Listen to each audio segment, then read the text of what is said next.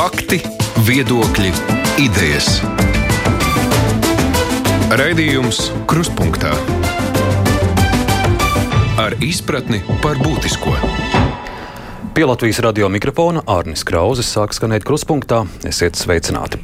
Piektdienās ierasti izvērtējam nedēļas norisi. Šī iespējams bijusi viena no klusākajām šī gada nedēļām notikuma ziņā, jo nekādi skaļi skandāli, paziņojumi un satricinājumi nav pieredzēti Latvijas politikā vēl atvaļinājuma laiks. Tomēr tā gluži nav, ka nekas apspriežams nebūtu noticis, un, protams, arī Covid temats ar vienu ir aktualitāšu priekšplānā. Izvērtēt notikumus šonadēļ esam aicinājuši trīs kolēģus. Žurnāla ir komentētājs Aivars Ozoliņš šeit studijā. Sveiks, Aivar! Labdien. Un arī attālināts žurnāla dienas biznesa galvenais redaktors Romanis Meņņiks. Romāns, sveiks! Labdien! Un es arī ceru, ka tuvākajās minūtēs mums pievienosies kolēģis no Latvijas televīzijas Ilja Kozins. Un vēl arī klausītāji man jūs jāinformē, ka šodien kruspunktā nebūs redzams televīzijā, jo akurāt tajā laikā, kad rāda kruspunkta atkārtojumu, būs Olimpiādas atklāšanas mm. tiešraide. Bet mūs, protams, ar vienu var redzēt Latvijas Rādio Facebook lapā. Nu, ko ķeramies pie tām aktualitātēm, kas nu šonadēļ ir pieredzētas? Šķiet, ļoti plaši apspriests šonadēļ bija pedagoģu arotbiedrības Līsda veiktais pētījums par vakcinēšanu, un, protams, tam, kam visvairāk tika pievērsta uzmanība, bija šis fakts, ka 35% aptaujāto saka, ka ir pret vakcināciju. Tur gan uzreiz ir arī jāpapildina un jāpaskaidro, ka tā, protams, ir tikai daļa no visiem 60 tūkstošiem Latvijas pedagoģu, kas piedalījās šajā aptaujā. Tur arī nevar visus uzreiz tā vienkāršot teikt, ka tie ir skolotāji, kuri pret vakcināciju, jo aptaujāti tika visi izglītības uh, iestādes darbinieki, tie ir arī tehniskie darbinieki un citi. Tā kā nevar teikt, ka tie ir tikai skolotāji. Bet nu, šāds ir fakts. 35% ir teikuši ne vakcinācijai, ne obligātai vakcinācijai. Nē, var tā kā to es studijā tev pirmiem vārdiem komentējot šo aptauju? Nu, ir, ir uzreiz vairāk punktu. Tu teici, tu teici sākumā, ka nebija liela satricinājuma. Es domāju, ka te mēs redzam. Uh, Nākošo posmu valdības maiņas mēģinājumos, kas nu pat sākas ar šo tā dēvēto aptauju. Otrkārt, šī patiesībā nu, to tikai ļoti nosacīti var dēvēt par aptauju. Uh, Tāpēc, ka mēs nezinām metodoloģiju, mēs nezinām. Mēs zinām tikai to, ka anketa tika izplatīta uh, kaut kādos tīklos, tur, tur, tur izglītības darbinieku tīklos. Uh, mēs nezinām, kā bija atlases, kāda bija pēc kādiem principiem notika to pāri pa 6 1800 cilvēku atlasi, kuri atbildēja. Vienkārši... Nē, nē, nu viņi tika izsūtīti visiem biedriem 6000 atbildēju. Seš, nu jā, nu tā nav īsti. Pirmkārt, metodoloģija nav zināma. Otrakārt, nu, tie jautājumi, piedod, nu, tos pat maigi būtu nosaukt par tendencioziem. Tiem jautājumiem bija jāapstiprina Ingas Vanagas, arotbiedrības vadītājs stingros uzskatus, ka skolotājus nevajag vakcinēt. Nu, tad, piedod, nu, ja, ja uzdod jautājums, vai jūs piekrītat, ka. Tu tagad ka, citējam? Jā, Latvijā pieejamās vakcīnas ir drošas. Vai jūs piekrītat, ka daudzi ārsti un eksperti ir pret vakcinēšanos? Nu, es kaut kur redzēju, viens cilvēks ļoti asprātīgi raksturoja to. to uh, stilu, kādā šie jautājumi uzdoti. Tas ir apmēram tāpat, eh, kā pavaicāt, vai jūs šorīt atkal dzērāt konjaku. Nu, tā aptaujas, tā dēvēja tās aptaujas, viens vienīgais mērķis bija panākt uh, rezultātu, ka skolotāji ir pret vakcinēšanos. Un tad, tad, protams, uzreiz nāk nākošais jautājums. Tad kāds ir mērķis? Inga Vanaga stingri pieprasa, lai 1. septembrī visas mācības notiktu klātienē. klātienē. Otrkārt, viņa stingri pieprasa, ka skolotājiem nav obligāti jāvakcinējas. Un pavasarī viņa stingri pieprasīja, lai skolotāji būtu prioritārajā grupā vēl ātrāk nekā tur jau bija. Jā, paredzēts. tagad viņi pieprasa principā pretējo. Ja? Uh, tad kāds ir mērķis? Uh, mācības klātienē un nevakcinēti skolotāji. Tas garantēti nodrošina rezultātu, ka skolas kļūs par infekcijas perēkļiem. Tad kādēļ tas ir vajadzīgs? Nu? Kā tev šķiet?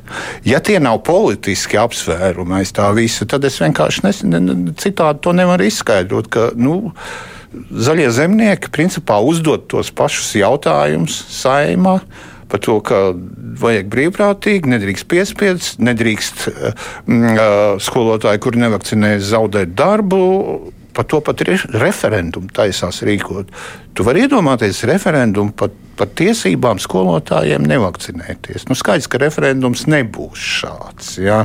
Un vienkārši, nu, vienkārši es redzu, ka gada beigās iespējams pēdējā iespēja nogāzt vai nomainīt valdību būs budžeta likums, protams. Ja to vēl pastiprina ar ļoti sliktu epidemioloģisko situāciju, kas ir valdības galvenā prioritāte un galvenais uzdevums, tad tad, tad, jā, tad vēl kaut kādas iespējas varbūt ir. Es, es neredzu citus motīvus, kāpēc cilvēkiem jāpieprasa tiesības skolotājiem inficēt skolniekus.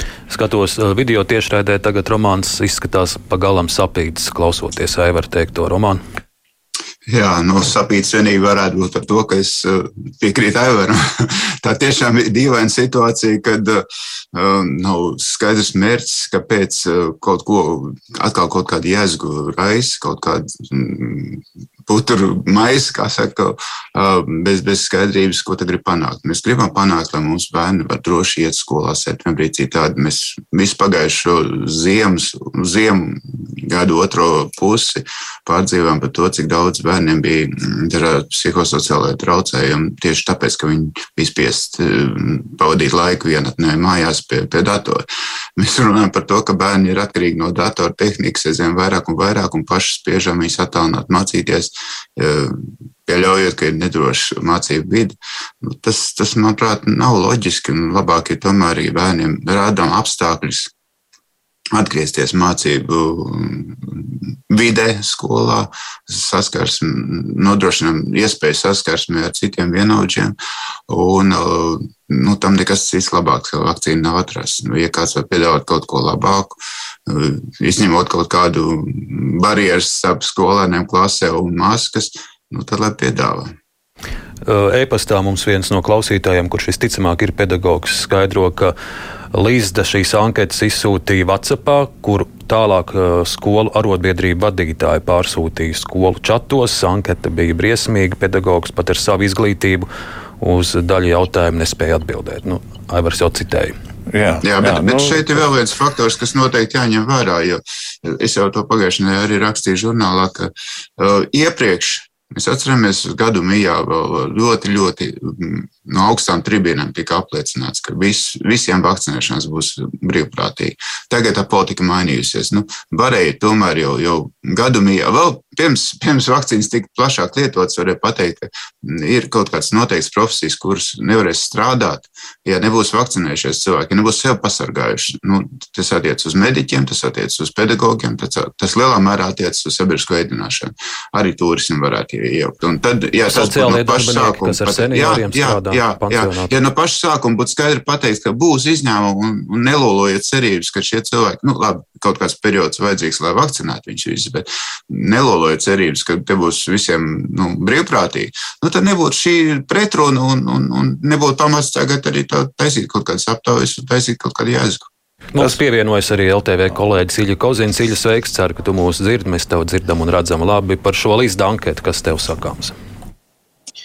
Nu, uh, man ir tāda ļoti neviennozīmīga attieksme, jo nu, no vienas puses, jā, es laikam saprotu to, ko Romanis tikko teica, ka, protams, tas viss ir nepieciešams, lai strādātu ar tiem cilvēkiem, no otras, nu, vienkārši ir jāsaprot, ka sabiedrībā ir daļa cilvēku, kas, kas šo uzskata par tādu kā piespiešanu.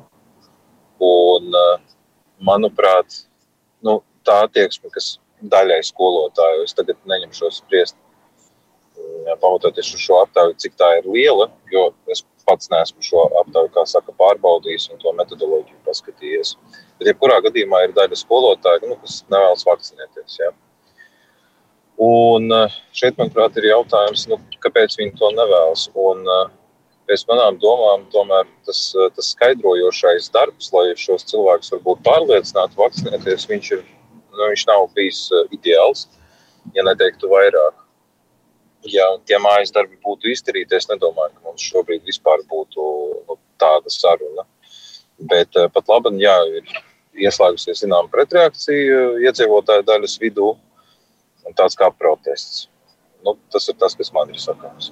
Nu, Īļa, tad uzreiz, nu, kas tavuprāt vēl būtu papildi jāskaidro? Nu, uh, sabiedriskajos mēdījos, uh, radio, televīzijā es, es tā skaidrošana notiek katru dienu, stundu garš raidījums, kā labāk dzīvot ir katru nedēļu, kur nu, desmitiem un desmitiem jautājumu iziet cauri ar ekspertiem. Es tev, es tev pateikšu, kas pietrūkst. Es tikko piedalījos, nu nevis piedalījos, bet sakoju līdzi vienai uh, Latvijas skolu direktoru sapulcei kopā ar izglītības ministru Anētu Mužnieci. Un, principā, tur bija viens skolas direktors, kurš teica lietu, par ko īstenībā domā daudzi, cik es saprotu no privātām sarunām ar skolotājiem un skolu direktoriem. Tā tad pietrūkst uh, informācijas, nu, tādas ar, kā saka, ar cilvēcisku raksturu. Nesen man bija saruna arī ar vienu, teiksim, tā sociālās psiholoģijas pētnieku, kur, atka, kur saskaņā ar viņa domām, un man nav pamata tām neusticēties, ka šajā komunikācijā un skaidrošanā ir ļoti daudz formālas informācijas, ļoti pareizas, precīzas, zinātniski pamatotas. Bet tur var būt, es nesaku, ka tā ir, bet iespējams, tur iztrūkst nu, tāds cilvēcisks elements. Vienkārši vajag skaidrot, bet nu, tā vieglākā, vienkāršākā valodā, lai pilnīgi visi cilvēki to saprastu, neatkarīgi no viņu izglītības līmeņa. Paldies vēl īsi par šo romānu. Ja drīkst, jā. Nu, Protams, var skaidrot un skaidrot un skaidrot, un kāds vienmēr teiks, ka viņam nekas nav skaidrs. Bet, nu, teiksim, iebraucam mašīnas ceļu satiksmes noteikumu. Mēs varam skaidrot bezgalīgi viņus, bet, ja mēs vienkārši pieņemam, ka ir ceļu satiksmes noteikumi un nekā labāka nav izgudrots, tad mēs viņus respektējam. Un, un tie, kas nerespektē, tie, tie paliek kaut kādos kājām gājējos. Cilvēkiem vienkārši arī vajag pateikt, ka ir iespēja. Jā, jā, protams, ar pasažieriem. Bet, bet tā pašā laikā, nu, ja cilvēkam pateikt, jums ir iespēja izvēlēties, vai nu jūs strādājat attālināt no mājām, ja kādā veidā, un netiek, vai mācēties attālināt, vai nu tad jums vakcīnu un ejiet klātienē, tad varbūt tas būtu savādāk. Šobrīd ir tā, ka cilvēkiem var būt pretestība pret to, ko uzspiež. To gan es varu saprast, ka uzspiež viņam kaut kādu noteiktu darbības modeli. Ja ir izvēle starp vakcinējies un ej pilnvērtīgi dzīvo, vai dzīvo savā kambarītī viens pats, nu, tad, tad, tad tā būtu cita situācija. Aivar? Es par šo skaidrošanu vēl gribētu pateikt, manuprāt, visus šos argumentus lieliski apkopot četras sarunas ar četru uzņēmumu vadītājiem un iest, nu, iestāžu uzņēmumu vadītājiem. Mūsu žurnālā šonadēļ, kuru uzņēmumos vai iestādēs vairāk nekā 80% ir vakcinējušies. Es tur sadalīju divās daļās. Tur ir Andrēs Žagars vienā pusē un Normons Bergs, kur ir mm, SAF vadītājs. Juris Žagars. Jā, piedodiet, jā, jā Juris Žagars, jā, Dēls teātris vadītājs, Normons Bergs, SAF vadītājs, kuriem pamata argumenti bija runājot ar saviem darbiniekiem, racionāli argumenti, racionāla skaidrošana. Nu, Normons Bergs tur lepni stāsta, ka mēs te IT kompānija, mums IQ ir augsts un tā tālāk.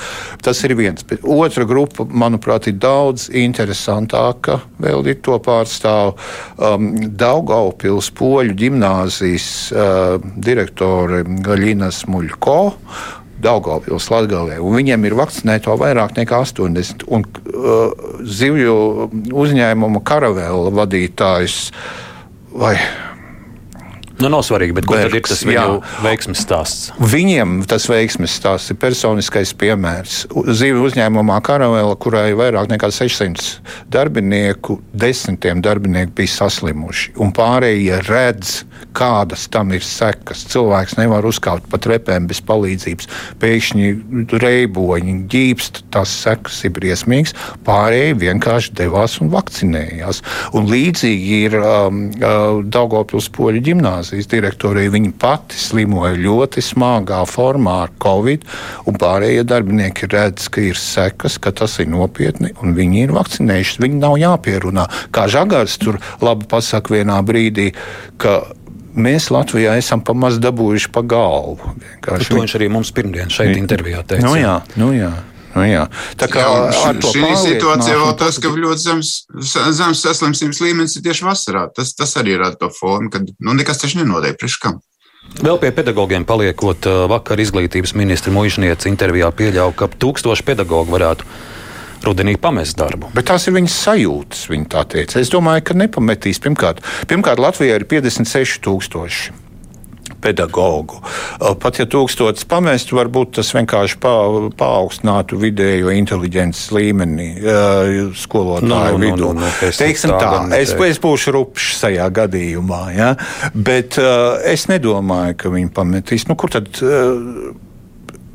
Nu, nu, piedod, nu, normāli, nu, piemēram, tev būtu izvēle pamest darbu vai vakcinēties. Nu, kas tā pa izvēli vispār ir? Nu?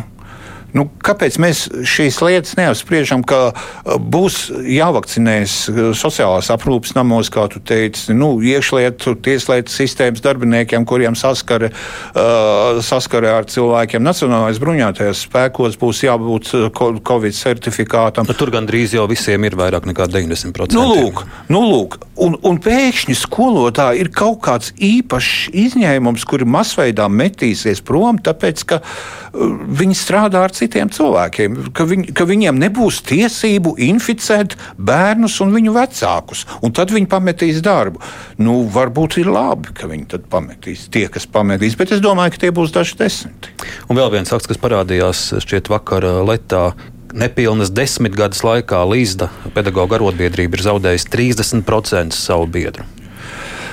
Es drīzāk atcerējos to, kā Līsda piedalījās premjerministrs Laimdos Straujums demisijā, kā palīdzēja viņai savulaik 15. 2015. gada beigās aiziet no amata. Tagad izskatās, ka viņi mēģina palīdzēt arī šai valdībai aiziet no un, un dot vietu zaļajiem zemniekiem. Labi, tik tālu par skolotājiem, par pedagogiem. Mums vakar viens klausītājs teica, ka viņa prāt ir atšķirība starp pedagogiem un skolotājiem. Skolotāji tie ir tie, kuriem nav jautājumu un diskusiju, vai vajag vakcinēties.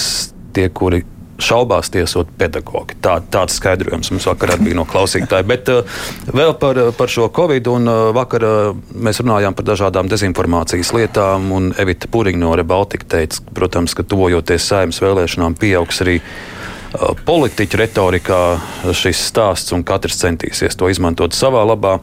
Mm, viens piemērs ir, mēs šobrīd esam Latvijas Rādio, arī šeit pirms pāris dienām. Latvijas Rādio ēterā izskanēja Zaļo zemnieku savienības valdes priekšsēdētāja Edgara Tavara teiktais, tādu sensacionālu faktu viņš nāca uh, klajā par vakcīnas blaknēm, ka uh, cilvēks varētu būt arī pusē paralizēts, pēc tam viņam aizrādīja, ka tā ir nepatiesība. Viņš Twitterī paskaidroja, ka nu jā, viņš ir kļūdījies, ka tur tikai seja varētu būt pa pusē paralizēta. Un arī tad vienam no iespējams tūkstošu gadījumiem nu, eh, politiķu runa par covid īpaši sabiedriskajos mēdījos. Nu, tur jābūt ļoti, ļoti, laikam, katrs vārds jāpiedomā un fakts jāpārbauda. Atgādināšu Edgars Tavaram, ka viņš pašlaik spēlējas ar tūkstošiem cilvēku veselību un ar daudz, daudz cilvēku dzīvību. Un vēl es piedāvātu iedomāties, ka nu, labi, zemnieki, zaļiem zemniekiem ir valdība. Nu, teiksim, tur premjerministrs ir kas tur Māris Kučīnskis un Edgars Tavars ir veselības ministrs. Vai viņš runātu tieši to pašu par paralīzēm, par brīvprātību un visu pārējo, zinot, kādas viņa runāšanai būs sekas, proti, masu uh, saslimšana? Es domāju, ka viņš nerunātu to. Ja viņš būtu valdībā. Ilja Romāna par politiķu retoriku. Es domāju, ka šobrīd ir ļoti vāja valdošā koalīcija un tikpat vāja, ja ne vājāk, vēl ir opozīcija. Un, un tas, ka opozicionāri ķerās pie tik prastiem, primitīviem argumentiem, tas, tas arī apliecina viņu vājumu. Viņi nevar piedāvāt neko no tādu alternatīvu esošai varai, alternatīvu esošās varas lēmumiem. Viņi piedāvā kaut kādu nu, pēkstiņu, pēkstiņu līmeni, kas, kas tiešām ir ļoti nožēlojami. Ilja? Es nezinu, es nezinu, vai tas tiek darīts apzināti, vai jau pati sistēma tā ir izveidojusies. Bet katrā ziņā es piekrītu kolēģi sacītajam. Jo ir tā, ka šobrīd eh, es neteiktu visi, bet atsevišķi un tādi ļoti redzami politiķi, eh, vēršoties pie cilvēkiem, komunicējot, sazinoties ar viņiem, mēģina sataustīt nu, tādas visiem saprotamas, it kā vienkārši vai, vai tieši otrādi nesaprotamas lietas un sniegt vienkāršas atbildes. Pa lielam tas ir bijis tā vienmēr.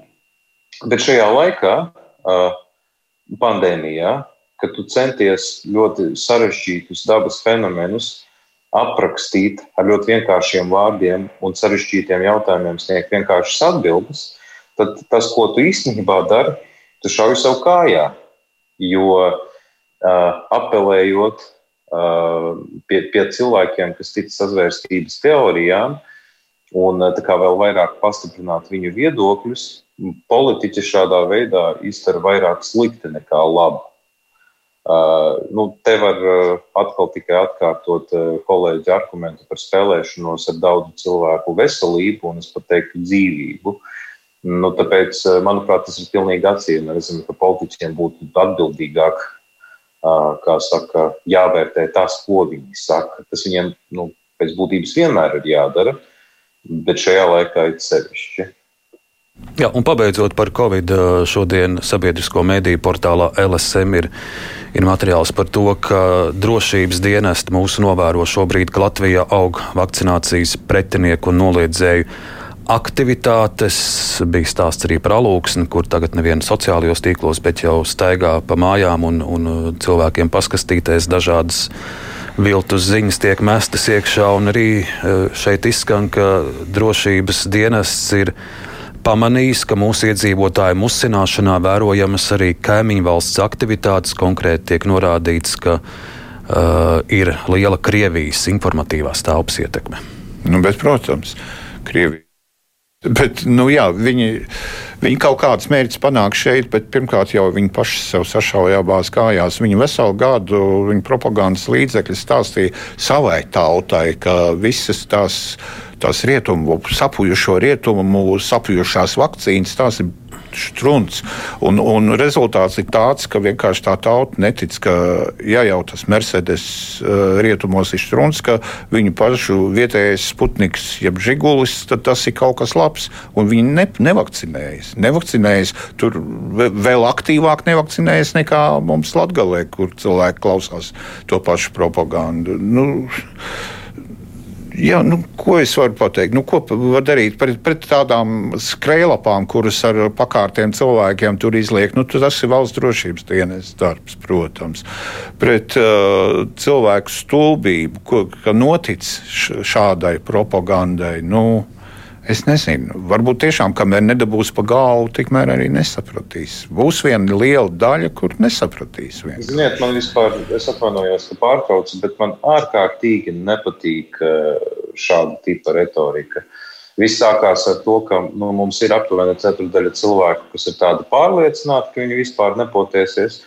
Un tagad ir uh, tāda sajūta, ka gan tajā oficiālajā komunikācijā par viņiem vispār aizmirsuši, aizmirsuši un norakstījuši. Saka, ka mēs viņus nevaram pārliecināt, nu, lai viņi kaut kā paši tiek galā. Un tā, tāpat eh, visas šīs runas par kaut kādu cilvēku stulbumu un ieziņu. Tie ir mūsu Latvijas iedzīvotāji un līdzcilvēki, un mums visiem būs jādzīvo kopā. Tāpēc man šķiet, ka nedaudz par to ir jāpadomā. Nevis vienkārši jānoraksta liela daļa iedzīvotāju. Jā, Un eh, šī cilvēku ticība kaut kādām sazvērstības teorijām, dezinformācija, tas var aizkaitināt nenormāli. Es to pats zinu. Tas tiešām kaitina, bet tas nenozīmē, ka tagad nu, vajag to tā arī atstāt un, un vairs nedomāt, kā atrast pieeju un kā izdomāt veidu, kā šos cilvēkus tomēr uzrunāt un pārliecināt. Tāpēc es, es, es, es kategoriski neatbalstu visas šīs runas par tiem, tiem cilvēkiem, kas ir kā tagad kolēģis pateica, tas, tas pilnīgi nepieņemami. Es, es drīzāk, es drīzāk problēmu saskatu tajā, ka tiem, kas komunicē valsts vārdā, viņiem nav dots uzdevums panākt mērķi, viņiem uzdevums ir apgūt līdzekļus. Un, un bieži vien mēs redzam, ka tas bildīts un tie video klipi ir vairāk vērsts uz to, lai smuk parādīt, cik mākslinieki skaisti māka sevi eksponēt, parādīt kaut kādu lielu dišu darbu, bet viņi nemotivē cilvēkus sekot tam, uz ko tiek vērsta. Un līdz ar to tās kampaņas bieži vien ir tādas skaistas, dārgas, bet neefektīvas. Un tā ir tā lielā problēma. Tiešām te vajadzētu domāt par to, kā uzrunāt tās mērķa grupas, kas rada šo skepsi, nevis tos, kuri nu, ir jau pārliecināti. Šobrīd ir tā, ka kampaņas lielā mērā runā ar tiem, kas ir pārliecināti par to, ka vajag vakcinēties. Un īsāver. Es īsi atbildēšu uz ziļas pārmetumiem. Pat tajos um, četros labajos piemēros, kas mums žurnālā ir vakcinēti, nav visi simtprocentīgi. Un kā Juris Žagars saka par, par, par tiem cilvēkiem, kuri viņi, kur, kurus viņam neizdevās pārliecināt. Nu, neizdosies viņus pārliecināt vienkārši. Un tur neko nevar darīt. Bet galu galā svarīgākais, ko viņš atgādina, ka galu galā būs Latvijā divas cilvēku kategorijas attiecībā pret covid. Tie, kuri ir vakcinēti, un tie, kuri ir pārslimojuši. Proti, saslims visi nevakcinētie, agrāk vai vēlāk. Ar to ir jārēķinās, un es ceru, ka ja tas pieliks cilvēkiem, varbūt pat idejiskie kaut kādas tā, tā teikt, antivakseri aizies tomēr un vakcinēsies. Bet tagad mēģināt pārliecināt cilvēkus, tad, kad mums vakcīnas stāv noliktavās, pārliecināt idejiskos kaut kādus antivakserus. Varbūt strādāsim ar tiem, labāk, kuri, kuri šaubās, kuri nav izlēmuši, kuri vēl grib novilcināt. Pārliecināsim viņus vispirms, iet un vakcinēties, un tad jau skatīsimies, ko darīt ar pārējiem. Nu, ķersimies klāt vēl, bet pavisam īsi. Jā, tikai pavisam īsi viens, divi teikumi. Uh, ja es nemaldos, jūs to varat pārbaudīt, bet sociālajā psiholoģijā uh, ir pārbaudīti dati par to, ka cilvēku domāšana dzīves laikā mainās. Tas nozīmē, ka tos, kurus it kā nevar pārliecināt, pārliecināt var. Paldies! Citi temati arī nu, jāapspriež mums ir, bet arī, protams, tas Covid jau tur caurvīsies. Uh, viens, kur es piedāvāju, ir um, Eiropas komisija šonadēļ publiskoja tiesiskuma ziņojumu. Tur, protams, priekšplānā ir uh, Ungārija un Polija, bet ir arī analizēta situācija Latvijā. Un, uh, Mazs citāts no šī ziņo, ziņojuma sadaļā par mediju brīvību ir secināts, ka Covid laikā Latvijā pastiprinājušās bažas par žurnālistu iespējām piekļūt informācijai. Tāpat ir satraucoša tendence, ka žurnālistiem nākas saskarties ar personiskiem uzbrukumiem interneta vidē. Nereti tie nāk no politiķiem. Tā teikts Eiropas komisijas tiesiskuma ziņojumā. Ļoti labi, ka mums šīs dienas sarunā piedalās Ilja. Ilja Kozins ir arī Latvijas žurnālistu asociācijas vadītājs. Un, uh, Ilja, nu, cik tu pats par to vēlies stāstīt, bet es esmu redzējis, pats vārdā nesaukšu ka šos minētos personiskos uzbrukumus interneta vidē arī no politiķiem, arī tu pats kā žurnālists esi pieredzējis. Cik daudz tu gribi stāstīt par to pats?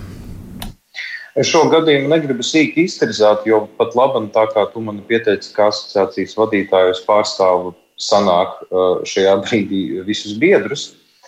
Un uh, tas, kas notika internetā, nu, tas bija, varētu teikt, tāds privāts uh, manā skatījumā, nu, varbūt daļai privāts strīds ar, ar vienu saimnes deputātu, kurš, manuprāt, un daudzu prāt, uh, maigi izsakoties, ļoti nekorekti izteicās. Es tur saskatīju neslavas celšanu sev. Tā tad es attiecīgi arī rīkojos. Nu, un, acīm redzot, turpināšu rīkoties. Tātad, uh, Ja mēs runājam par to ziņojumu, nu, kā tādu un vispārīgi, ja, ja, ja tu vēlēsies dzirdēt manu viedokli par to, kā, kāda ir situācija. Nu, tad, pirmkārt, kas attiecas uz informācijas atklātību, ir bijis arī pētījums, Klimta Ločmala to veica vienu projektu ietvaros, un tas maijā tika prezentēts ka tā situācija ar informācijas atklātību nu, tiešām nav varbūt ideāla Latvijā. Mēs tagad runājam par informācijas atklātību no valsts oficiālajām iestādēm. Tas ir, ja mēs runājam par datiem, katrs var šo pētījumu atrast un izlasīt. Ja mēs runājam par kaut kādām personīgajām sajūtām, manām, tad nu, varbūt pandēmijas sākumā, pandēmijas turpinājumā, tātad, kas bija pagājušajā ziemā. Uh, nu, kad bija tās digitālās preses konferences tie, tiešsaistē Zoomā, nu, protams, daudziem kolēģiem pazuda iespēja, piemēram, noķert kādu ministru uz kāpnē, kā mēs to agrāk saucām, vai nu saimā, vai nu par, uh, valdības mājā. Un līdz ar to um, politiķiem teiksim, tā, pavērās plašākas iespējas izvairīties no atbildības sabiedrības priekšā. Tas, protams, bija risks, kas tagad, uh, samazinoties visiem ierobežojumiem, mazinās nedaudz, bet nu, tāpat tās nav uh, iepriekšējā līmenī, kā bija. Kā šo es arī saskatu kā tādu potenciālu risku un nu, nevēlamu lietu tajā atklātības vidē. Kolēģi, vēl jūsu komentārs par šo ziņojumu. Tātad tas, kas norādīts, samazinās iespēja piekļūt informācijai, personisku uzbrukumu internetā žurnālistiem. Personisks uzbrukums citiem žurnālistiem es esmu redzējis, tie notiek, protams, un um, nožēlojami. Uh, nu, tu laikam pats neesi Facebookā. Līdz ar to tas ir. Facebookā es esmu tikai Twitterī. Es Facebookā apzināti nepierakstīju, zinādams jau par viņu politiku jau apmēram pirms desmit gadiem, apmēram kā viņi vāc informāciju un, un to neizpauž pa, pašiem lietotājiem. Bet, uh, Varu piekrist Tīģām, ka samazinās tīri fiziski, samazinās iespēja iegūt informāciju, tāpēc, ka nevar fiziski būt, nevarēja būt klāt valdībā vai nevarēja būt klāt saimā un vienkārši dzirdēt, runāt ar cilvēkiem ne tikai oficiālajām ziņām, tā, bet, bet arī vienkārši privāti saprast, kā, kas notiek.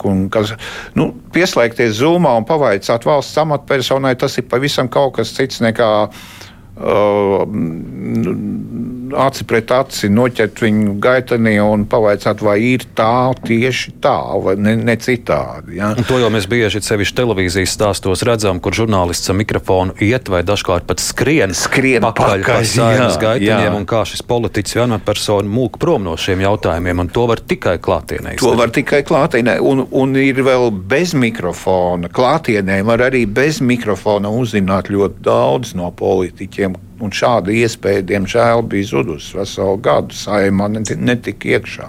Nu, es ceru, ka tagad tas mainīsies. Bet, jā, vis, vis, bet, bet, bet tur neko nevar darīt. Tā ir tā objektīvā situācija. Ja mums ir covid, tad mums tas ir jāierobežo. Bet uzbrukumi, personiskie uzbrukumi žurnālistiem, kas arī atzīmēti šai ziņojumā, nu, tas ir pavisam tā ir cita kategorija. Jo īpaši protams. kolēģi no Rebaltika to ir izjutuši un arī tur ir iesniegumi policijā, es zinu. Un, jā un nopietni bijuši šie draudi kolēģiem. Trīkst. Te ir divi aspekti. Viens ir uh, uzbrukumi, kas ir parādījušies publiskajā vidē, interneta dažādās saziņas vietnēs. Tie ļoti labi, kad viņi tādi ir, jo viņi parāda arī to cilvēku kultūras līmeni un, un faktiski atklāja, kas kurš ir. Ja viņš, ja viņš atļaujās publiski zākāt citu cilvēku, neatkarīgi no tā, vai tas ir žurnālists vai kāds cits cilvēks, viņš ļoti labi sev demonstrē. Uh, jautājums par to, vai žurnālisti var piekļūt informācijai. Es nezinu, vai mūsu situācija ir tāda nu, stipri sliktāka nekā, piemēram, Vācijas vai Francijas. Man grūti iedomāties, ka tur žurnālisti varētu tā, tik brīvi piekļūt uh, politiķiem, amatpersonām, kā pie mums tas ir ierasts. Mums tā pieejami, tā mazā valstī ir tas uh, labums, tas, ka mums tie politiķi ir, ir stipri atvērtāki. Pieejamāki, labāk ar viņiem var kaut kā piezvanīt, daudziem var un, un runāt. Tā kā te ir cita problēma, ko es saskatu. Es diezgan bieži esmu Francijā. Skat, esmu redzējis viņu televīzijas programmas, tur nemitīgi notiek diskusija, raidījumi, politiskās debatas par visdažādākiem jautājumiem, un politiķi spiesti runāt par, par arī nepatīkamiem jautājumiem. Viņi faktiski tā, tā diskusija vidi ir nu, ļoti publiski. Pie mums, diemžēl, ir ļoti maz Latvijas radio krustpunkti. Latvijas televīzijā ir šeit viens raidījums, kurā notiek kaut kādas diskusijas laika pa laikam. Maz ir šo diskusiju platformu platformu, kurās politiķi ir spiest atbildēt. Un te ir tā vājā vieta, ka, ja nav šo diskusiju tādā publiskā vietā, tad tam žurnālistam ir jāskraida uz kāpnēm pakaļ tam, tam politiķim. Viņš vienu kaut kā frāzi pasaka, nevaram konfrontēt viņu uzreiz ar citu politiķu, un, un līdz ar to tā diskusija kultūra un tā informatīvā telpa paliek nabadzīgāka. Paldies, Ramāna, un es vēl piedāvāju pēdējās piecās minūtēs vēl vienu tematu. Palūkosimies aiz Latvijas robežām, bet nekur tālu - Baltkrievija, Lietuvas pierobeža. Arvien turpinās uh, imigrantu krīze. Pēdējās diennakts laikā vēl pārtverti 92 nelegālie imigranti. Uh, Lietuvas mediķi ziņo, ka daļa šo migrantu bērnu ir bijuši saindēti ar dažādām psihotropajām vielām pirms viņu nokļūšanas Lietuvā. Uh, Pašpasludinātais prezidents Lukašenko šonadēļ teica, ka tā patiesībā esot Lietuva, kas visu šo bēgļu tranzītu organizējot. Vēl šodien es lasu ziņas, ka Irākas avio kompānija palielina reisu skaitu no Bagdādas uz Minsku. Un paši šie iebraucēji stāsta, ka tur tas viss ir ļoti labi atstrādāts par 15,000 dolāru, kā var nokļūt Lietuvā. Kā viss šis izvērtīsies, Aivar Īstu? Nu, šodien uh, vēl viena ziņa. Šodien jā, valdība uh, lemj par to, kā palīdzēt Lietuvai šajā krīzē. Un, uh, paldies Dievam, tas mums pagaidām ir gājis secen, bet tas var skart arī Latviju. Jo ir pilnīgi skaidrs, ka tā nav kaut kāda nejauša imigrantu plūsma, ka tā ir apzināta Baltkrievijas politika un ka viņi vienkārši palīdz un transportē un uh, atgādā tos bēgļus uz, uz Minsku. Es uzreiz pateikšu, ka tie jau nav nekādi noziedznieki. Tie bēgļi tie jau ir nelaimīgi cilvēki, kuri bēg no, no vietām, kur viņu dzīvība iespējams ir apdraudēta. Uh, un, un, un, uh, tas turpināsies tikmēr, kamēr, uh, kamēr uh, Lukašenko sapratīs, ka tas ne, teiksim, nestrādā. Man, man ļoti patika Lietuvas ārlietu ministra atbildi vakaru uz Lukašenko teikto, ka viņš vēl tur, ka lietuvieši paši vainīgi un ka tie bēgļi vēl pastiprināsies. Um, ārlietu ministrs Landsbergis atbildēja, ka tad mēs pasti, Eiropas Savienība vēl pastiprinās sankcijas pret Minsku. Es domāju, ka tas ir vienīgais veids, kā to varētu apturēt. Ilja. Nu, teikšu tā, lai gan mana akadēmiskā specializācija bija drīzāk salīdzināmās politikas lauciņš, nevis starptautiskā politika, jeb starptautiskās attiecības. Tomēr nu, kaut kādas lietas es arī zinu, un es varu nu, tādā vienkāršā valodā pateikt, ka starptautiskās attiecības tā vienmēr ir, tas vienmēr ir par interesēm par šo interesu risināšanu un lielākoties aizkulisēs. Tā ir tāda tēlēna izsakoties spēle zem galda. Un eh, man šķiet, tas turpināsies. À, un papildus tam es domāju arī, ka tā ir tāda robežu testēšana. Tas, ko tagad dara Lukašenko, nu, jā, acīm redzami, viņš mēģina izmantot šos nelaimīgos cilvēkus kā politiskā spiediena instrumentu, Un tas īstenībā jau nav nekas jauns vēsturē, mums ir simtiem šādu gadījumu. Mm, un tādā veidā jā, viņš, viņš mēģina panākt eh, kaut kādus labumus sev, un tas viss beigsies eh, vai nu tad, kad viņš tieši kā eh, Ozoliņš pateica, nu, kad viņš sapratīs, ka tas tā nestrādā, vai nu atkal aizklūsies, tiks pieņemta kaut kāda vienošanās, kas būs daudz maz izdevīga gan, eh, gan Eiropas Savienībai, un konkrēti Lietuvai šajā gadījumā, gan uh, Lukašenko. Paldies, un Roman, tev pusminūtēs kāds uz Baltkrieviju. Nu, robežu sargā parasti no abām pusēm. Vieni ir tie, kas sargā savu izējošo, un vieni tie, kas sargā savu ienākošo robežu. Ja tie bēgļi tiek vienai robežai kontrolēt cauri, tad tas arī daudz ko nozīmē. Daudz ko var stāstīt. Kolēģi, teikšu jums liels paldies. Paldies, paldies. par šīs nedēļas notikumu izvērtējumu. Žurnāli ir komentētājs Evers Ozoliņš, žurnāla dienas biznesa galvenais redaktors Romāns Meļņiks un kolēģis no Latvijas televīzijas Ilja Kozins. Paldies jums, klausītāji! Tagad pat pusminūte ātrāk nekā pēc grafika brīvais mikrofons.